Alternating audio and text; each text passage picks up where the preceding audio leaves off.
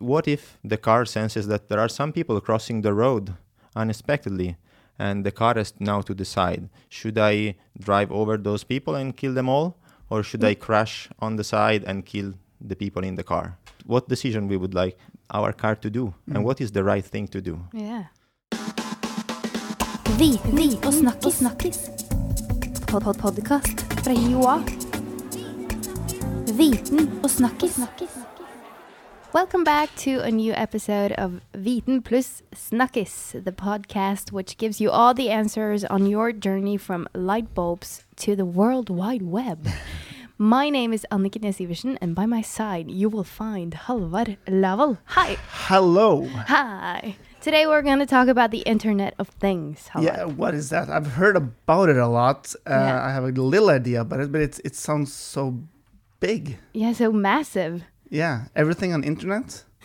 do we Yeah, basically everything on the internet. do we want everything on the internet? I don't really know, mm. but we have like, we have an expert, and it's you, Stefano Nichele. Hello. Hi. Hi. You are an associate professor at the Department of Computer Science. Yes, that's correct. And you're not Norwegian. No, I'm Italian actually.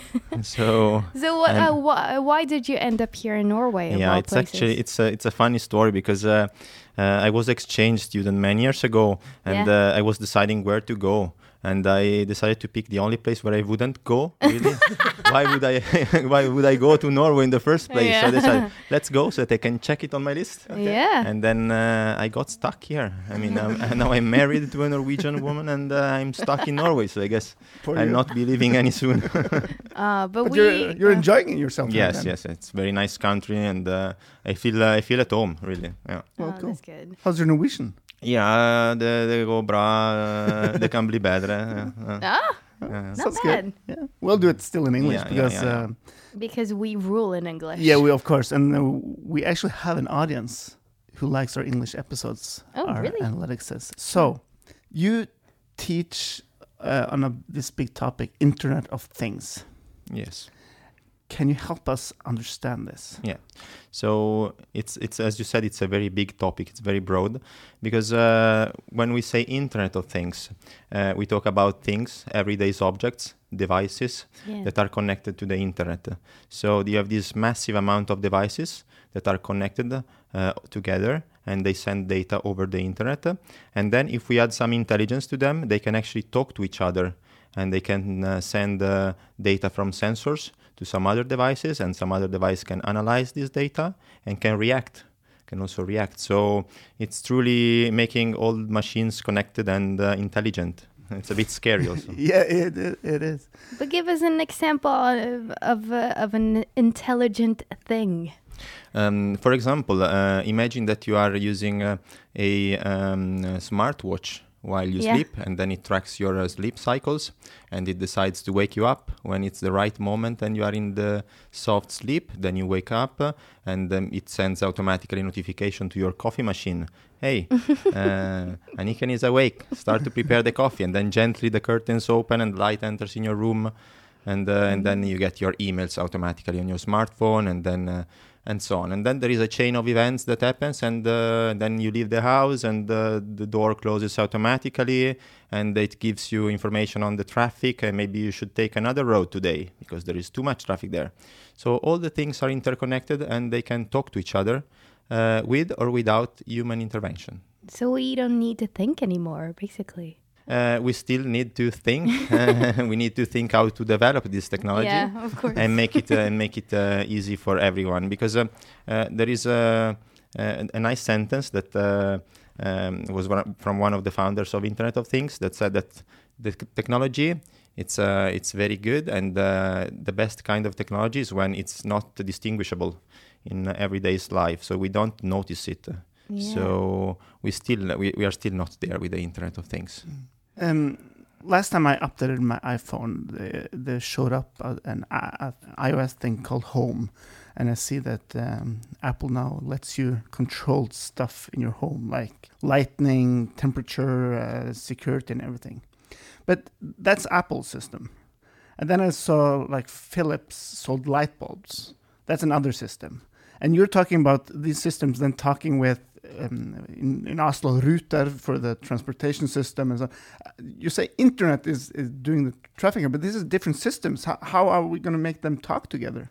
Yes. So one of the big problems it's uh, interoperability, which means that uh, uh, things from different uh, vendors they struggle to talk to each other. So what we have to do is to build some uh, uh, common protocols, some co- common rules, really, a common language that the, all the things can speak. Uh, so we are still not there, and there is quite a lot of work to do.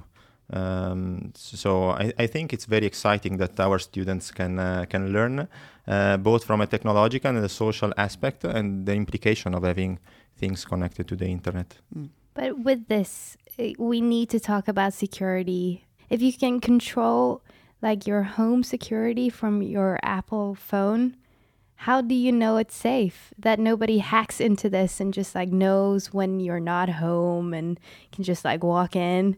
Maybe you have been uh, at our course and you have been following the lectures because you are very prepared. Oh really? Yes because security is a, is a very big topic of internet of things because uh, of course when we add more things connected to the internet uh, we have to be sure that uh, that they are secured and protected and people cannot hack into uh, those things because then if they hack they can either use it for some attacks they can use it actually to enter into uh, your network. And uh, for example uh, i read some time ago news of smart fridges that were sending spam emails. Or even worse um, some cars which i'm not saying uh, I'm not saying which brand of cars uh, was actually hacked, and it was oh. possible to control uh, control the car remotely. So yeah, you could um. you could actually uh, provoke an accident. So it's uh, it's it's a bit scary, and we have to be sure that uh, we have security protocols and security measures for this. But but how can consumers, ordinary consumers out there who have no idea about technology, be sure that things are secure? Secure when they buy different products, like when they buy a smart refrigerator. How, how can we make sure that this is is a okay project and the Russians won't hack my refrigerator? yeah. So um, uh, the, the, first uh, the, pre- the, first pre- precaution that we can take uh, is to is to have a secure network at home. So if we implement security and uh, and the security protocols and encryption, then this is the first step of protection. Of course, then we have to rely to the computer scientists that will do a good job and will will protect the devices uh, from uh, external attacks. Uh, so it's very important that uh, that uh, we talk about security and we talk also about ethics because uh, because when when things can actually um, sense the environment and then can take independent decisions, they might take decisions that we we don't like. Now it's quite popular to talk about self-driving cars. Yeah. So we have cars that can actually um, see the world around them uh, through some uh, web cameras and sensors, and then they can actually control uh, the car and uh, drive around. But what if the car senses that there are some people crossing the road unexpectedly? And the car has now to decide should I drive over those people and kill them all, or should I crash on the side and kill the people in the car? What decision we would like our car to do, mm. and what is the right thing to do? Yeah. So it's a, it's a very big topic, and um, I'm not an expert of this, but uh, at least uh, what I tell to my students is that uh, we have to be aware of yeah. this to make the right decision. Mm. So uh, I'm the nerd guy, I'm the technology guy. Yeah. So I'm more uh, comfortable and familiar uh, talking about development of technology and leave the ethics to some someone else that is an expert on this. But shouldn't we talk about also of the positive and cool things of the Internet of Things, not okay. just scare people and the negative ones. of course. Smart cities. I've heard about it. Yes. How can we make our cities smarter and better and a more happy place? I can give you a simple example. Uh, imagine uh, trash bins around the city mm. and a collection of waste. If we had sensors in uh, in the trash bins, then we could uh, remotely detect when they are full and uh, find out what's the best day to collect it, what's the optimal route, and we could connect it connect this to many other services in the city. So smart city, it's a, it's a very nice concept because uh, then people also um, are part of the smart city and can actually take decision to make their city even smarter. So they can connect their things to the city and uh, and also contribute to the governance of the city. Oh, yeah. Hal- you told me something about Ruter and uh, smart Yeah, I- technology. yeah, I heard that. Yeah, Ruter are, are looking into um, putting your ticket into your phone, so when you walk into the bus or subway, it will say, "Oh, there you are. Hi." You you, you have to pay this much, but they can also then track information if there's an accident and and, and they're they filled up buses, then they can put more buses onto that uh, route and, and make things more effective there. Yes, that's one of the many things that uh, they are uh, developing.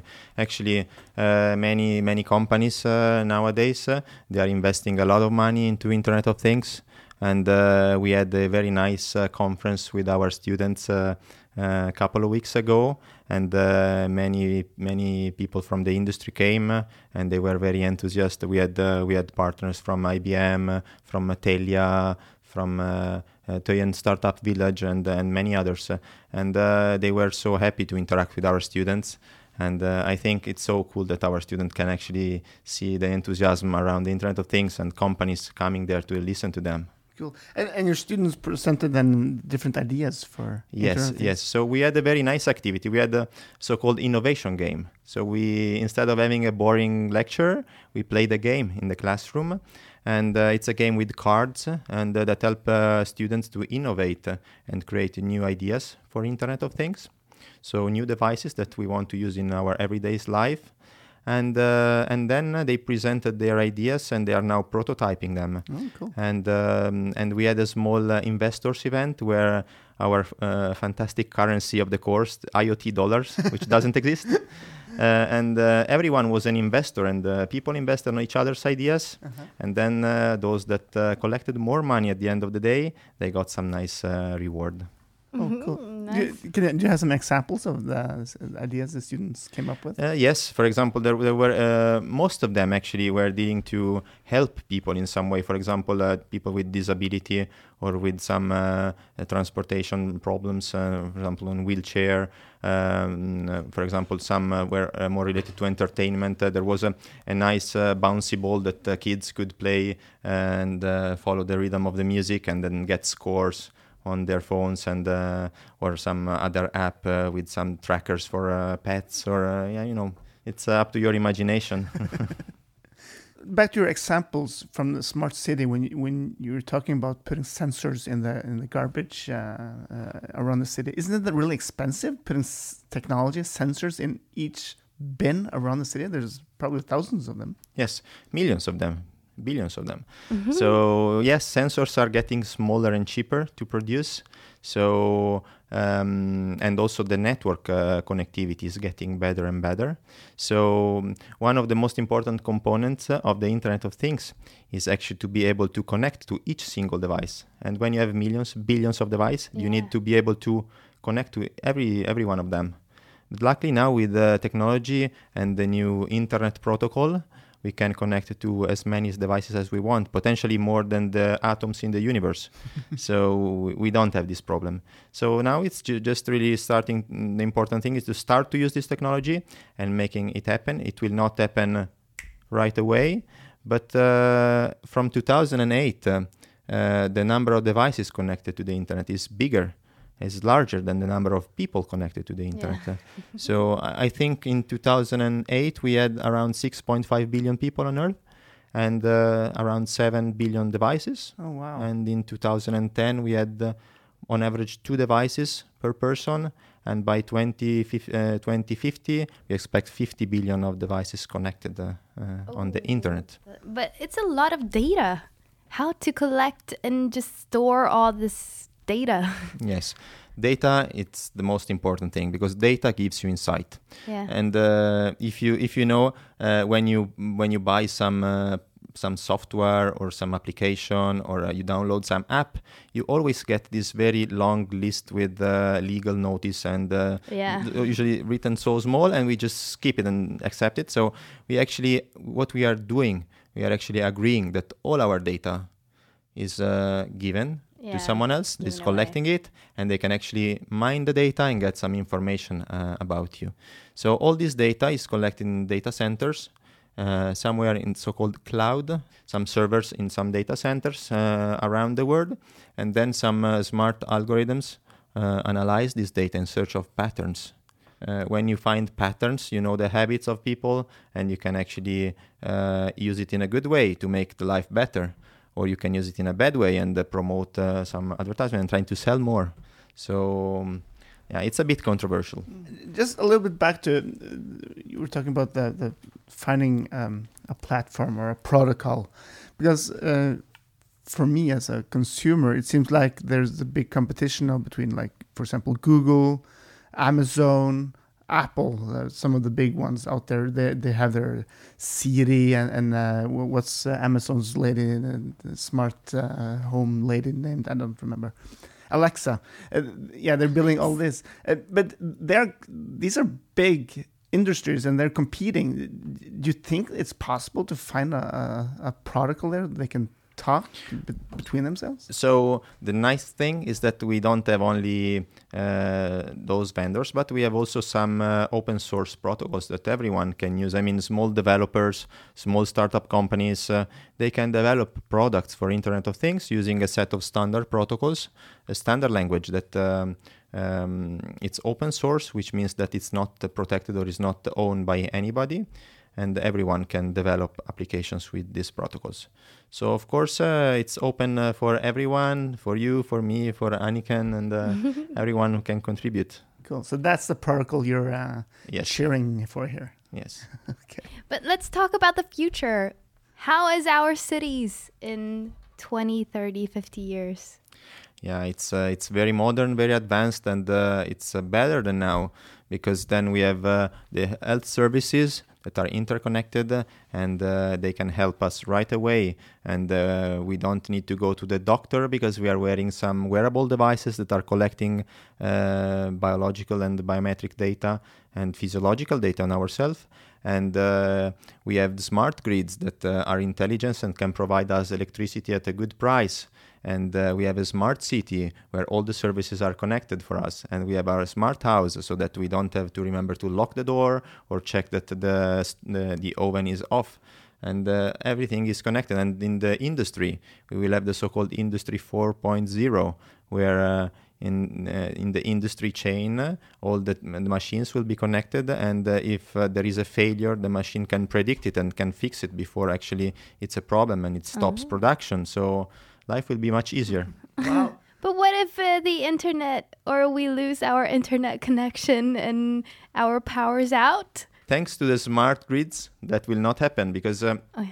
with the smart grids uh, the sensors on the electricity line can track how much electricity is needed at any time and the companies that uh, produce electricity can produce the right amount of electricity and not uh, less than what is needed so that's very unlikely to happen but it can still happen yeah. If there's war or something. Yeah. oh, it sounds like a great future. Yeah. Well, this was really interesting. Thank you for coming. and thanks for inviting me explaining this, and um, good luck with uh, your students. Um, when we will see some products out there. Actually, I, I have to tell you a small secret uh, that um, I heard from um, uh, our partners at uh, the Toyen Startup Village that uh, some of our students uh, were invited actually to get in contact because they thought that some of their ideas were uh, so cool. And we'll see what happens. Yeah. Wow. This That's is going to be amazing. Yeah. That was inter- Internet of Things. Yeah. Uh, Did you get any smarter? I don't know. I, I- I- Scared? no, not scared. I, I get excited. I'm I'm a technology optimist. Mm, Good. Yeah. Well, thank you so much for joining our podcast, Stefano Nichele. And thank you for listening, dear listener. Remember to press subscribe in your podcast application and give us a couple of stars in iTunes. Yeah. Yeah. Bye. And uh, remember, we love you. Bye. Bye bye. Viten og snakkis. snakkis. Pod -pod Podkast fra Joa. Viten og snakkis. snakkis.